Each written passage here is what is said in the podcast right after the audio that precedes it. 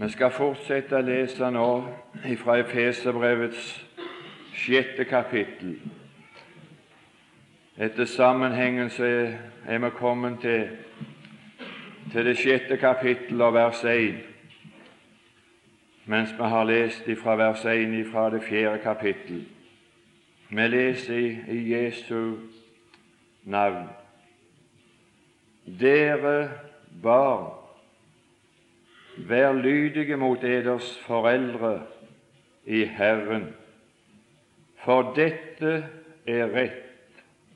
Hedre din far og din mor. Dette er det første bud med løftet, for at det må gå deg vel, og du må lenge leve i land. Og i fedre, egg ikke eders barn til vrede, men fostre dem opp i Herrens tukt og formaning. Fader, i Kristus Jesus, vi treder fram for deg i denne stund i takknemlighet for at når ikke bare nå hva da skader vi kan for tronen gå, men vi kan til alle tider for tronen gå og sie Fader, ditt barn, du hjelper må. Så vil du trede oss ned i denne stund og legge din mektige innflytelse over vårt sinn og vår tanke ved din ånd. Så, da, så ditt ord, så du kan la ditt sannhetsord få nå oss alle ved din ånd. Amen. Vi har forsøkt å få se på de forskjellige personer som befinner seg i Guds hus, som nevnes i Guds hus, og vi så at den fra kapittel 5, fra det 22. vers, så så vi der i går formiddag på at den første personen som nevnes av Guds husfolk, det var hustruen. Og uttrykket hustru er et uttrykk som bare brukes på en kvinne som er forbundet med en levende mann. Og når jeg sa, som noen kanskje har fått, må ha hatt et grunnlag til å få en annen forståelse av enn jeg hadde i tanken, iallfall, så var det når jeg sa at det er det første som nevnes av husfolkene, så er det kvinnen. Det er hustruen som er den første som blir nevnt. Og da var det langt ifra min tanke å ha sagt at dermed så var kvinnen, hustruen, overmann, at hun var først i den betydning. Jeg syntes at hele min bibeltime i går ettermiddag skulle kunne gi et klart nok uttrykk for hvem som var mannen, og hvem som var hovedpersonen. At Kristus var hodet, og var hodet for sin hustru. Og at således prydet og fordømte de hellige kvinner seg like som Sara var lydig imot sin mann. Men det som jeg sa, og som jeg ønsker å si, at dette er noe av det vakreste jeg har funnet i Bibelen, at den første som Herren trekker fram når Han presenterer husfolkene, det er de som Han har løftet opp til den første, den ypperste plassen, når Han gav oss nåde så gav Han oss nåde etter det mål at vi alle skulle få være i den ypperste forbindelse med Herren som en hustru er forbundet med sin mann. Noen høyere forbindelse med Kristus kan ikke tenkes. Noen mer intim forbindelse kan ikke tenkes. Noen mer fortrolig forbindelse med Herren kan ikke oppnås enn den som oppnås mellom hustru og mann. Å, for en forbindelse! For en udefinerbar forbindelse! Det er det ypperste. Det er hovedpersonene i ethvert hus. Det utgjøres av hustru og mann. Og der det er et ypperlig godt forhold, og der det er en ideal ektemann, der vil han alltid presentere sin hustru først. Og så kommer han sjøl som nummer to. Men sjølsagt er Kristus den første, og jeg er nummer to. Men han presenterer meg Å, dette er min, dette er min. Det er min, det er en som jeg har vunnet. Dette er min hustru. Å nei, du Herre Jesus, han lyser.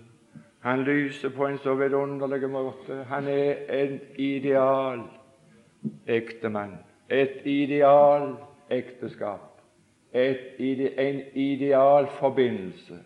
En ypperlig livsforbindelse er det vi løfter opp. Det er den ypperste forbindelse å komme i forhold til Herren. Og jeg kan si før vi går videre, at det er bare mennesker som opplevde å leve sitt liv i denne verden, ifra pinsedag og inn til bortrykkelsen, så får det privilegiet å få forbindelse med Herren så intimt som en hustru har forbindelse med sin egen mann. Menigheten har en særstilling hos Herren som hans brud, og han er brudgom. Det nærmer seg en dag når bryllupet skal holdes. Jeg kan ikke si mer om det.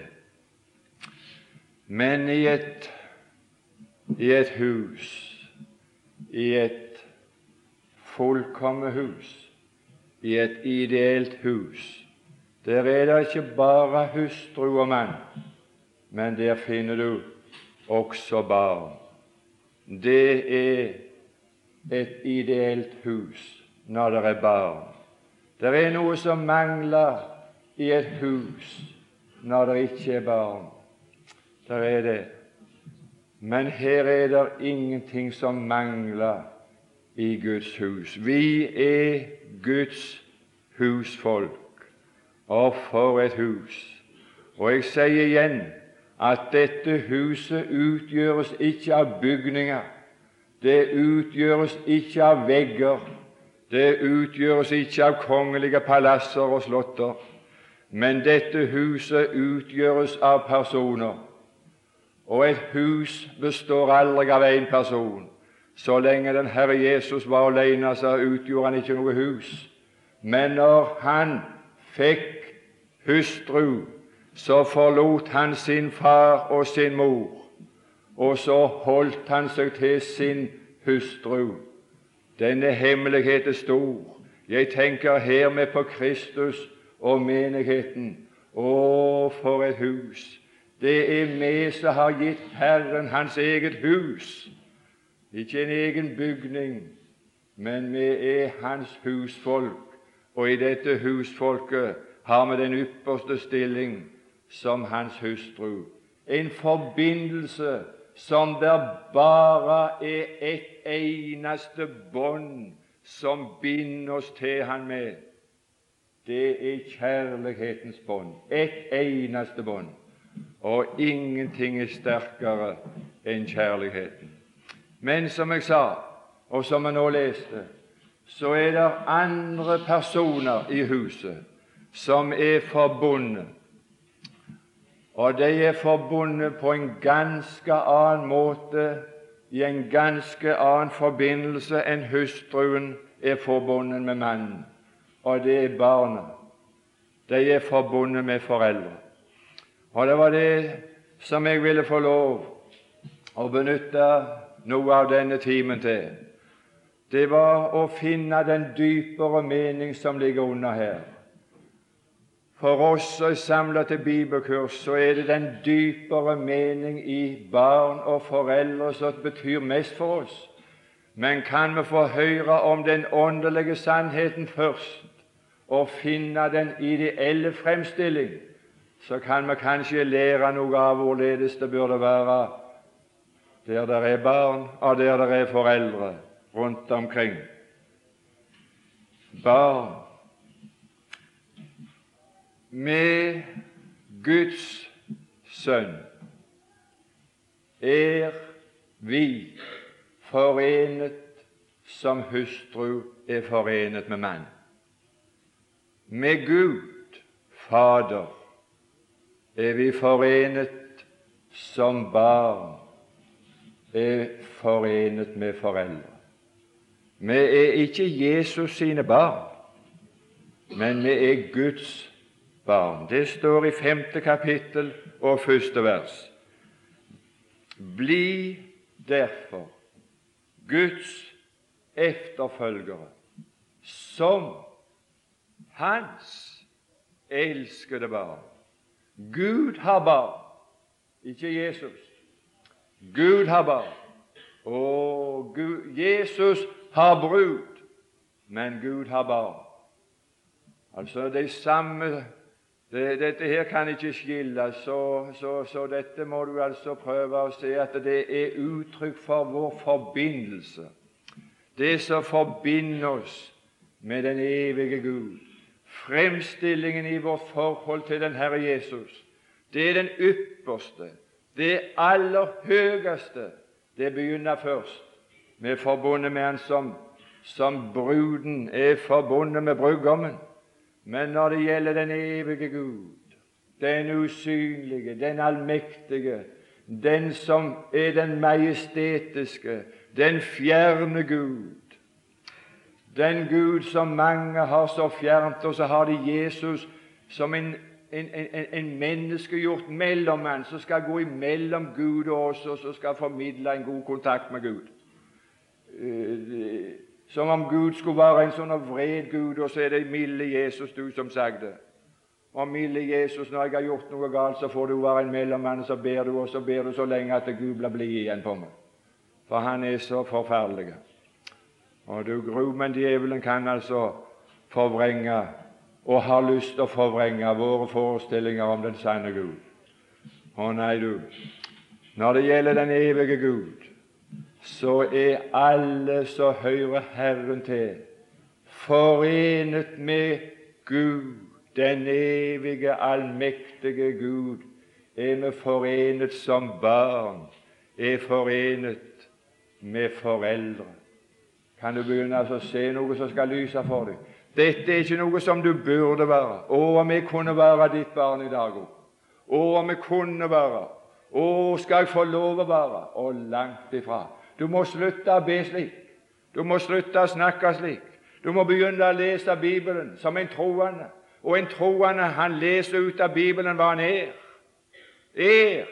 Vi er ikke lenger Oh, men jeg har fått så mange gode henvendelser her at jeg må ikke brøle. For det er forferdelig for dere å høre. Jeg kan ikke, jeg kan, jeg glemmer meg ut. Jeg hadde så lyst at denne kostelige skatten kunne vært servert i et sølvkar, men det er et leirkar. Men du får ta imot det så godt som du kan. Det er ingenting i veien med innholdet, iallfall det er i veien med karet. Innholdet er aldeles vidunderlig. Men leirkaret som skal servere det, er så skrøpelig at mange tar en stund. Du får bære over. Du får ta det som du klarer å ta. Jeg vil prøve på ut ifra Skriftens ord nå lese. Noen sa òg det Du, du, du tror visst altså at det er noen fantomer som sitter i salen. Fantomer av intelligens og hukommelsesevne. Du siterer skriftsteder én gang, og så tror du at alle skal kunne huske det ifra det. Du gjentar det aldri. Du tror du alle kan dette her. Herlighet, for en dårlig lærer. Og de sier at jeg har nådegave til å være lærer. Ja, da må det være skrøpelige nådegaver. Nei, jeg er et ringe Herrens vitne og et ringe Herrens Guds barn som har fått en vidunderlig skatt, og så ønsker jeg å dele med ham, men det er et lærkar. Et lerkar, skrøpelig som det på noen måte kan. Men kunne du få fatt i noe, så hadde jeg lyst at du skulle få fatt i det. Nå skal jeg prøve om jeg kunne lære litt sjøl. Det første barn, hva det er for noen ting. Det er ikke sikkert vi vet engang hva det er. Det er det sværeste av alt. I Salme 127, det tredje vers Salme 127, det tredje vers. Barn er Det er ikke Luthers forklaring, den er god. Pontoppidas forklaring den var ypperlig. Men Guds forklaring den er fullkommen. Og Det er et mirakel at vi trenger en forklaring som skal forklare hva barn er. Barn er, står det. Hva er det for noe? Ja, det er jo liv. Ja, det er ikke det det står. Nei, barn er en Herrens gave. Det er en livsfrukt. Skal fortelle deg noe. At barn kan aldri komme til å eksistere uten at det er liv som setter frukt. Livsfrukt er barn. Er du barn av Gud? Er du en frukt av evig liv? Er du en frukt av uforgjengelig sæd som har avla et nytt individ? Herlighet! Det er bare og bare det.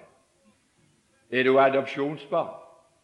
Du er vel ikke adoptert som et fremmede barn? Du er ikke et fremmedelement inni, inni, inni huset. Du er vel avla inn Ah, nå skal vi høre hva barn er. Barn er livsfrukt. Og for at det overhodet skal bli barn, så er det to personer som må eksistere, som må bli noe som de ikke har vært før. En kvinne må bli mor. Ved at en kvinne blir mor, hun får aldri rett og får aldri rett til det uttrykket mor før hun har født barn.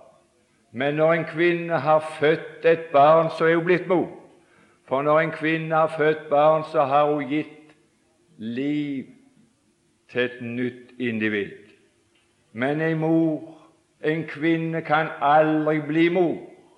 Det er en fysisk umulighet. Uten far. Der må far til før noen kan bli mor, og så kan det bli barn. Ja, dette kan vi jo. Det er forferdelig å stå og si sånne enkle ting. Jeg vil bare si det, for her ligger det en djupere mening under. Nå skal du få høre. Det er ikke den naturlige. Det naturlige er det første, men så kommer det åndelige. Det er det som betyr noe for oss. I Første Mosebok, det er tredje kapittel og det sekstende vers, sa Herren noe som har stått seg inntil i dag og kommer til å. Der står Han sa til kvinnen, Jeg vil gjøre din møye stor i ditt svangerskap. Med smerte skal du føde dine barn. Her er mange kvinner som er mødre her i denne forsamling, som personlig har gjort erfaringen av sannheten i det ord. Og Jeg skal ikke si noe mer om det, men er det en dypere mening under? Jeg skal lese for deg. Så skal jeg lese for deg om min mor, om min åndelige mor. Først vil jeg lese ifra Galaterbrevet som forteller om en sådan mor. Jeg har ennå ikke lært å sitere fremdeles bare én gang, men du får bedre øye med meg. Du får heller kjøpe deg en kassett. Galaterbrevets fjerde kapittel og det 26. vers. Der står det et uttrykk Vår mor. Ja, du har vel mor. Det er en umulighet å være barn uten det er mor. Vår mor, hvor er hun hen? Hvor er mor hen? Hvor er den mor som har født født oss åndelig. Vår mor har vært her, men vår mor er nå der oppe. Vår mor er der oppe i det himmelske Jerusalem. Der befinnes vår mor for øyeblikket. Han var her når han fødte. Jeg skal lese videre. Tredje kapittel i Galaterbrevet, det 16. vers. Nei, kanskje først må du ha fjerde kapittel i Galaterbrevet, 28. vers. Vi Å, jeg er glad. Å, men jeg er takknemlig for altså at jeg kan lese meg inn her. Vi er, og det vi er, det er vi er løftets barn, like som Isak. Det var et løfte som fødte oss. Det er et løfte som ligger til grunn for at jeg er frelst. Vi er løftets barn. Det er vel noe du tror, det er vel noe du har fått av Gud, et løfte Gud har gitt deg. Og ved at Gud gav deg det løftet, så tok du imot det løftet, så trodde du det, så var du frelst. Vi er løftets barn, like som Isak. For dette er, var et løftesord som Gud sa til Abraham. Neste år på denne tid så skal du ha en sønn. Det var et løfte.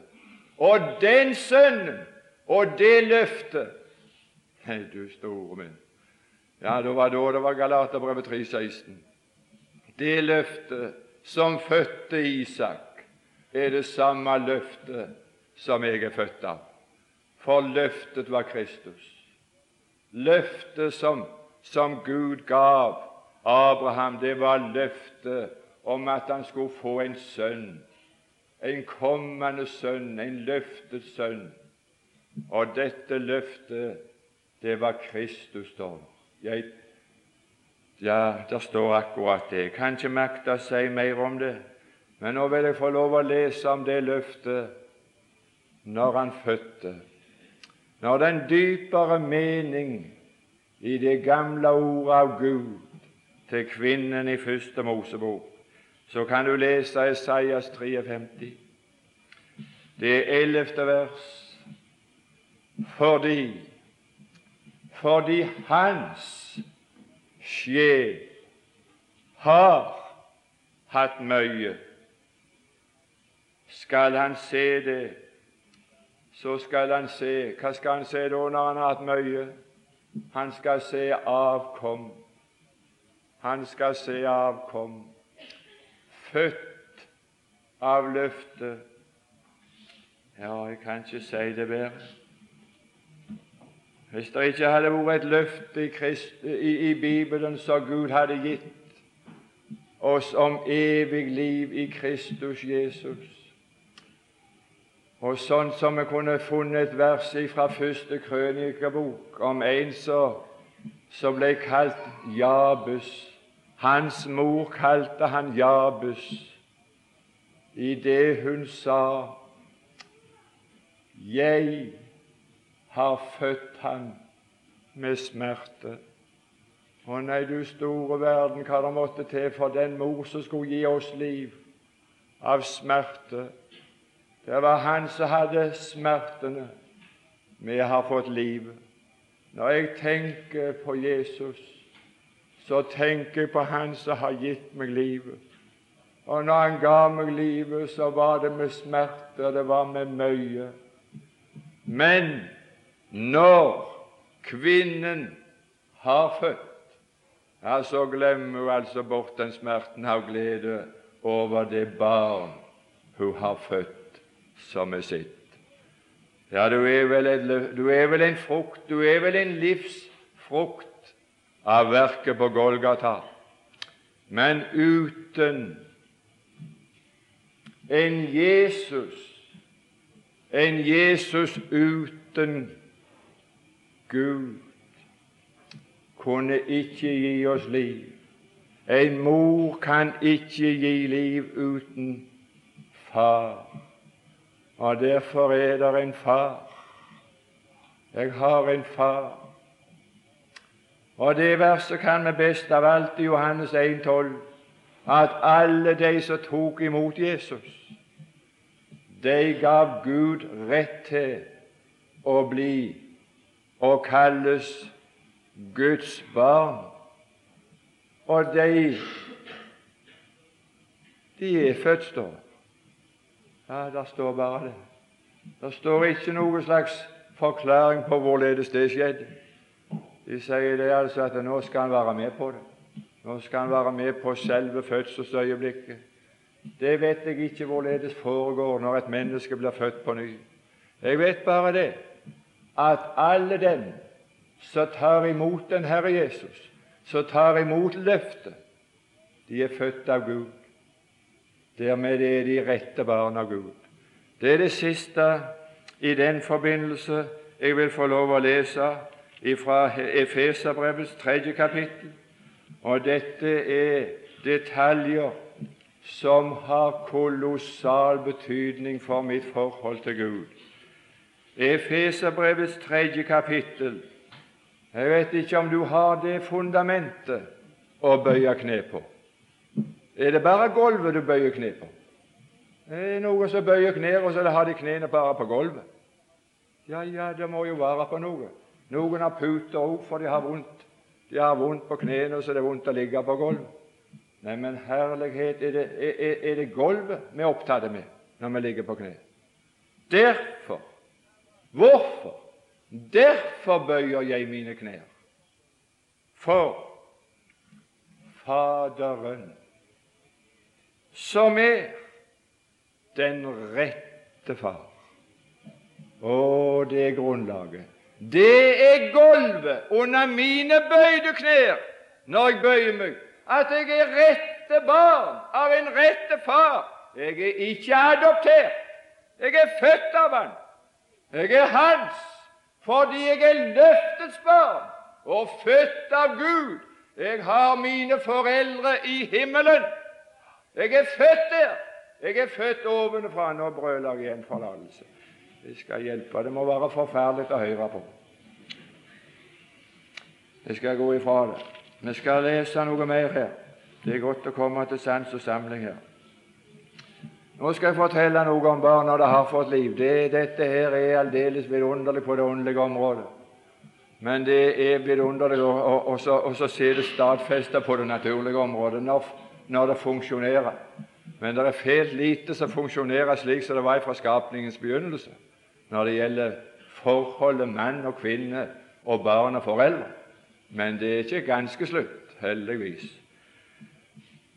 Når barnet er født, så er barnet ikke bare, så var det ikke bare avhengig av å få liv av mor og far, men når det er født, så er det 100 avhengig av far og mor.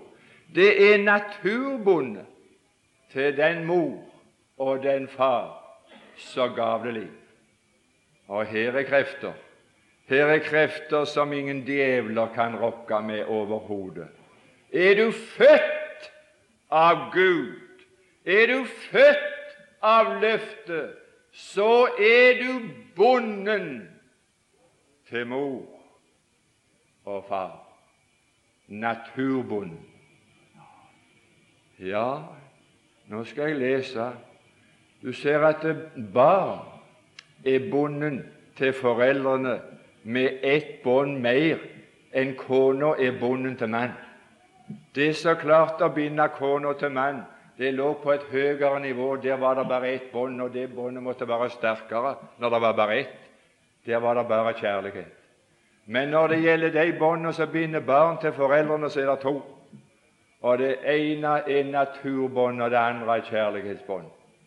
I sin natur så er barna bonden, naturbonden, til sine foreldre ifra fødselen av. Det er en guddommelig oppfinnelse. Ja, Det er det som gir dem en guddommelig bevarelse for at det liv som de har fått av mor, ikke skal slukne med en gang det er født.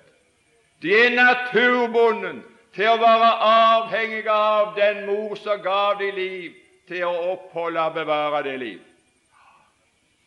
Du store min. Den Gud som gav oss liv, det er Han vi er avhengig for at vårt liv skal bevares.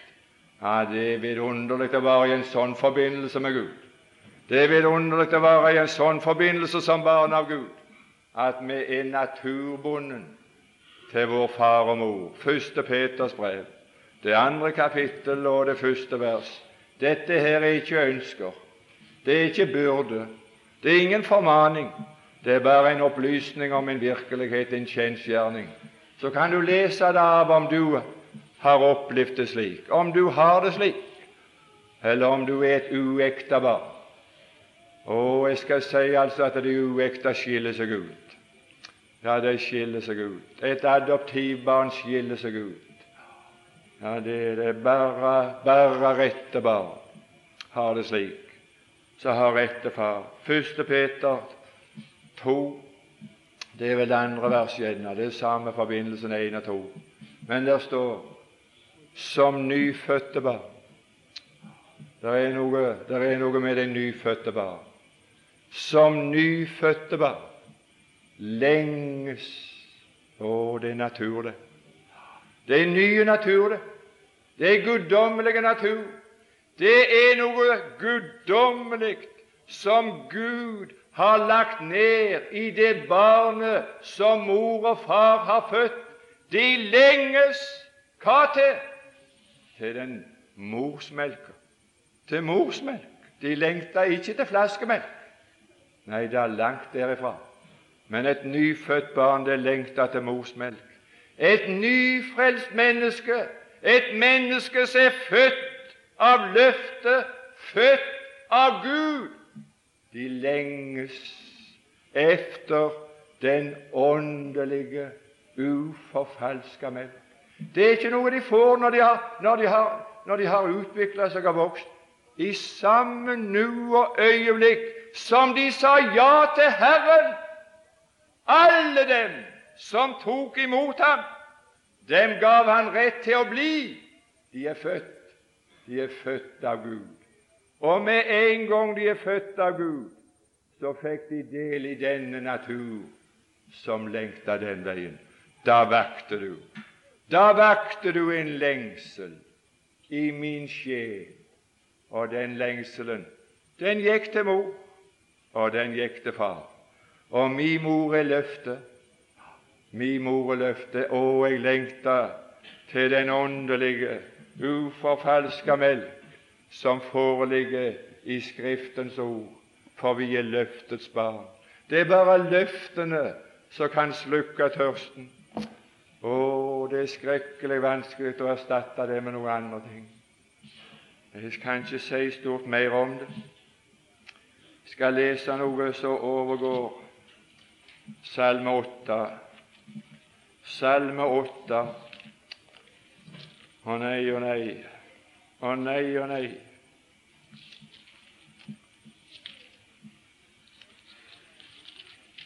Salme 8, tredje vers.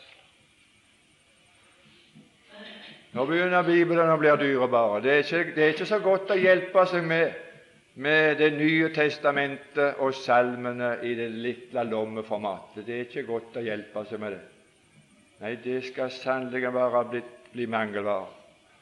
Og lot deg gå glipp av alle disse vidunderlige matforrådene og melkeforrådene. Og du og du for melk der er i Det gamle testamentet til nyfrelste som de lengter etter å få høre. Nå skal du få høre et sånt vidunderlig morsbryst, så du kan legge deg til ro ved, som du bare finner på sånne plasser i Det gamle testamentet.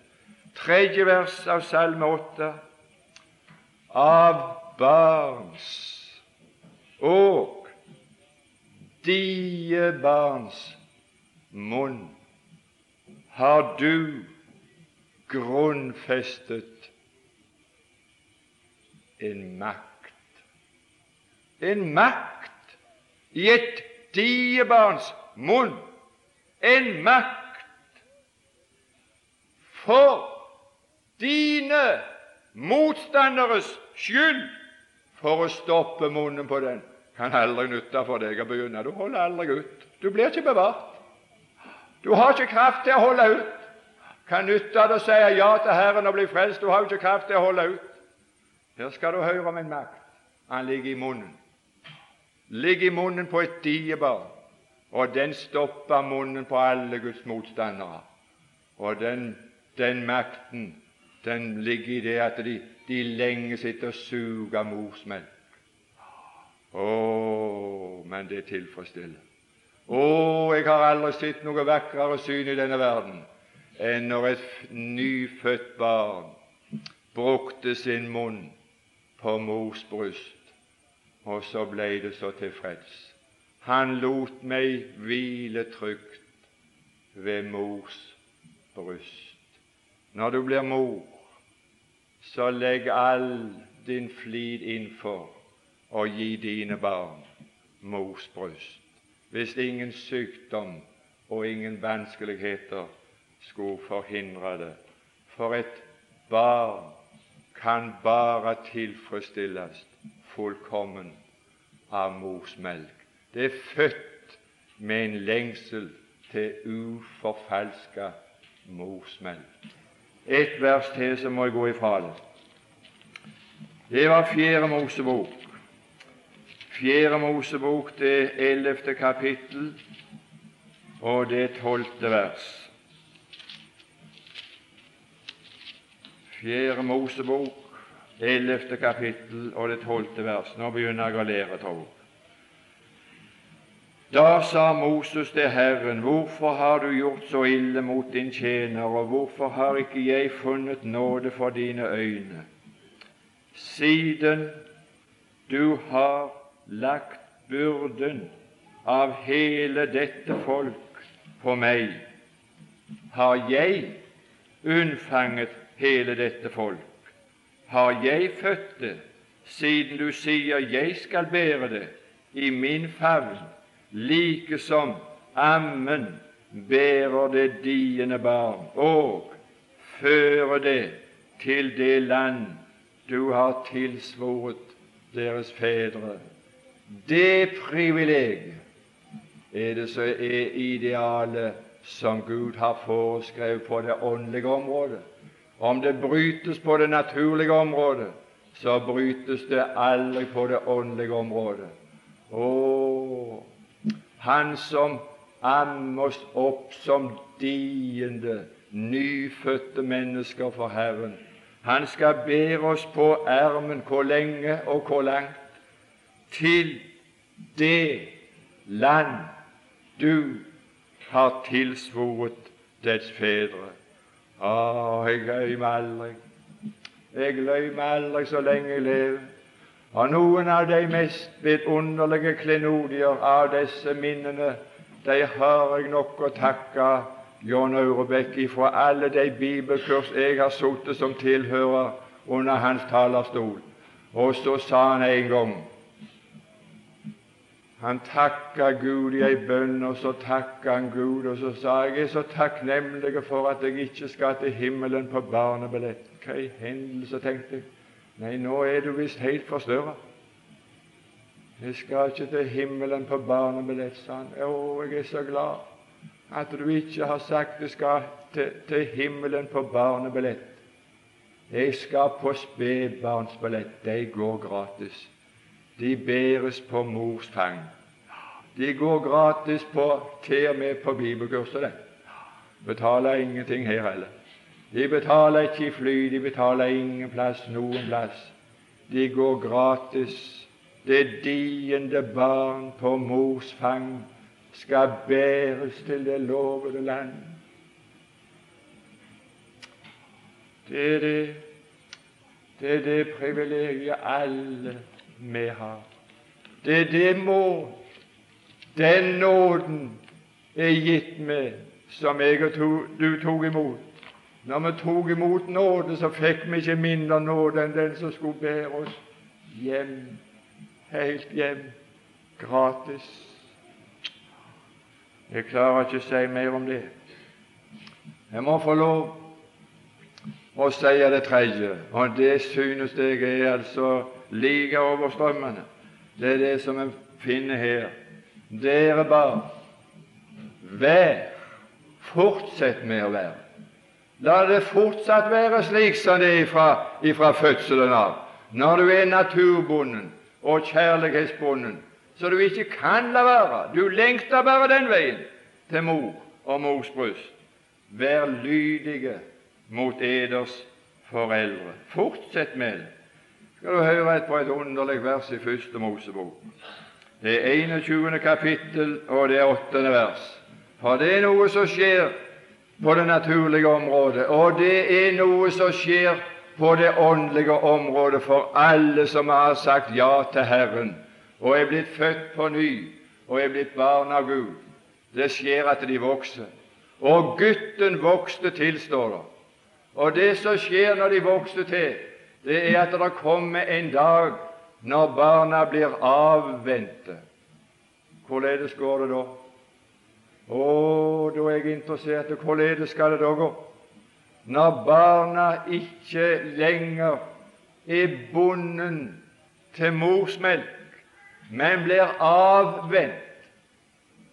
Hvorledes gikk det da? Ja, Nå vil jeg få lov å lese om et lykkelig utfall i en av salmene som er den korteste i Bibelen. Det er salme 100 og 31. Det er tre vers, men det er det midterste verset som er den vanskeligste å lære i den minste salmen. Salme 132, det er det midterste vers. Sannelig, står det. Jeg har fått min sjel til å være stille, like som et avvent barn hos sin mor. Sjøl når barnet ble avvent, så ble det frivillig værende hos mor, for det var så glad i mor. Det var blitt så tilvant med mor at selv om det ikke var avhengig av morsmelka, så ble det varende hos mor sjøl når det var avvent.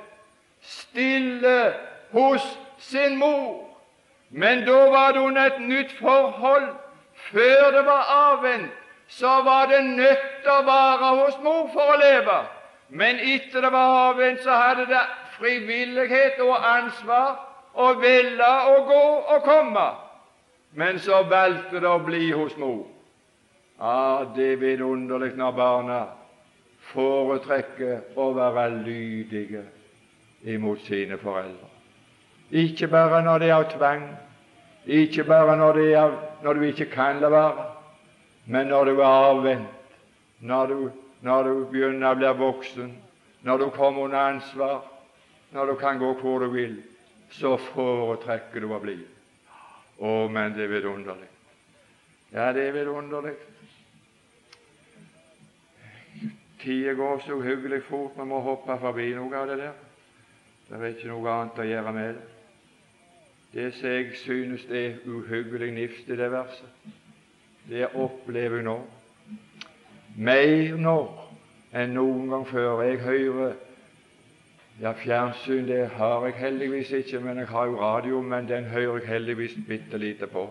Jeg er så ulykkelig at jeg hører av og til noe, at han står på. Så hører du noe. Men du kunne jo bli mørkredd med mindre enn det du får høre der. Hva har for å høre nyheter? Det er i grunnen det eneste vi hører nyheter og værmeldinger. For ellers er det helvete som taler gjennom radioen i Norge. Jeg har aldri hørt noe så forferdelig i mitt liv som det som jeg har hørt. Så hvis det er like galt alt, så må det være nifst. Mer enn nifst. For det er iallfall ikke våre folk sine hender som styrer det. Så det er nå greit. Jeg skal ikke si hva, hva det var. Jeg skal si hva her står. Vær lydige mot deres foreldre i Herren, for det er rett.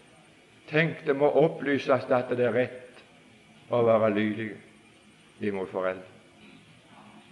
Og det, det, det er ikke rett lenger i deres øyne som holder på å oppdra det norske folk. Men det er rett. Det er rett å være lydig. Du kan være sikker. Og det er ganske rett på det åndelige området å være lydig imot våre foreldre. Så vil jeg si det siste som det sto her, det var 'hedre din far og din mor'. Der siteres et bud. Hedre din far og din mor. Og så står det at dette budet er det første bud. Nei, nå er du helt på viddene, Paulus. Er, du, du, du, kan jo ikke budet.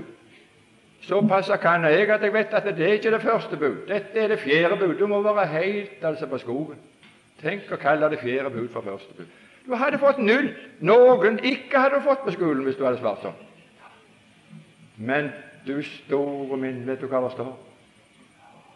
Ja, det første, sa Jesus, det første bud og det største bud i loven, ja, det var det var ikke dette.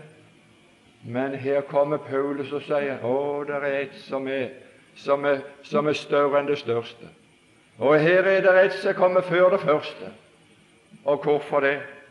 Jo, for dette er ikke bare det første bud, men det er det eneste bud med løfte. Det er det eneste bud som hadde løftet. Alle de andre bud hadde forbud. Det hadde ikke løftet om noen ting. Men derfor er dette det største bud. Og derfor er det det første, det ypperste bud, fordi det har et løfte. Og det løftet, det er når du hedrer din far og din mor, så skal det gå deg vel, og så skal du lenge leve i landet. For Israel så hadde det den praktiske betydning at de som praktiserte dette, de fikk, det gikk de vel i livet, i det, i, det, i det daglige, jordiske liv, og så fikk de lov å leve lenge i Kanans land. Levealderen sto i forhold til deres oppførsel imot sine foreldre. Men du store min, det er det åndelige, den dypere mening som ligger under, som betyr noe for oss. For jeg har ikke sett at det sikra levealderen i Norge, for det om jeg hedrer han far og hedrer han mor. Jeg hadde en kamerat som gikk på skolen sammen med. Og vi fikk gå så lenge i skolen at vi til og med gikk i fortsettelsesskolen, eller framhaldsskolen, som det het et år. Og så, så var jeg i en vanskelig alder. Det skal være visst. De kaller det for en slyngelalder. Min forskrekkelige Du var, du var så kåt, du var så forferdelig, altså full av kjeter.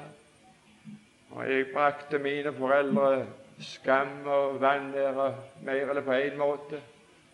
Og så hadde jeg en god kamerat, en skrekkelig ille god kamerat med vidunderlig natur. Han var så svakelig allerede fra barna av og sykelig for så vidt. Han ble ikke gammel da han døde. Jeg var med i begravelsen lenge før han var 20 år. Det var ikke på grunn av at han ikke hedra far og mor. Du verden så lydig han var. Du verden for et hensyn han tok til faren. Og du verden hva han følte av skamfølelse en dag faren kom. Og spurte han har min gutt vært med på dette. Det var bare så vidt han hadde vært med. Han hadde bare blitt tatt med bitte lite grann. Og så svei det så. Jeg kjente litt av det der, jeg som hadde vært en leder i det der greiene. Og jeg lever ennå. Å nei, det er den dypere mening som ligger under. Jeg skal fortelle deg et område, min venn. Når du hedrer din far, og når du hedrer din Mose er Bibelen, så skal det gå deg vel. Det er ikke sikkert du skal få lov å leve lenge i Norge, men du skal få lov å leve lenge i løftets land. I løftets land. Jeg skulle ha sagt noe mer om det. Jeg vet at det er hvert av disse avsnitt det blir bare å sette deg på sporet av noe vidunderlige, noe syner som det ingen, som det ingen grenser er. Jeg vil bare få lov å be deg. Bruk din bibel. Be din Gud om. Vil du lukke det opp? Vil du la meg få se syner i ditt ord? Vil du la meg få lære av ditt ord, så at jeg kan love å leve lenge i løftets land? Så at det kan gå meg åndelig vel, ikke timelig vel, men at det kan gå meg åndelig vel. Det er ikke sikkert at det blir så timelig vellukka, men det blir så skrekkelig åndelig vellukka hvis du hedrer din far og din mor. Vi må slutte der. Der skulle ordet sagt noe om fedrene, selvsagt. Det sto noe i fedre. Jeg, kan, eh, jeg må bare hoppe forbi det i det hele tatt. Det vil ikke bli anledning til å si stort om det seinere. Jeg vil bare gjøre deg oppmerksom på hva Gud har sagt om foreldrene, og så skal jeg sette meg ned. I 1. Korintiabrev 12,24 1. Korinterbrev 12,24 så står det foreldrene er skyldige å samle til barna, mens barna ikke er skyldige å samle til foreldrene. Å, jeg har en far, jeg har ei åndelig mor som har oppfylt sin skyldighet. De har samla til meg. De samla til sine barn. Å, for en samling! Salomos ordspråk, 19. kapittel og det 14. vers. Hus og gods er en erv fra foreldre. Og hus består ikke av vegger og tak, men hus består av personer. Det går an å ha hus som er museum, som minner om, om ting som har vært, om foreldre som har levd. Men jeg har ikke noe hus som minner om noe som har vært. Men min arv, det er en far og en mor som lever, og som aldri skal gjøre at jeg skal bli faderløs. Jeg skal aldri oppleve å bli åndelig farløs.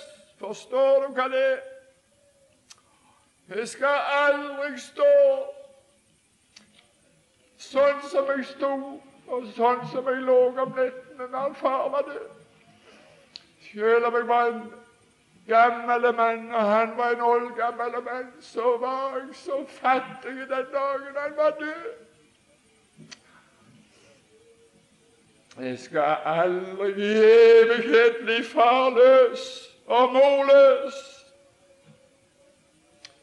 Jeg har fått en arv, et hus, fra mine åndelige foreldre som gjør at jeg aldri i evighet skal bli husløse og hjemløse.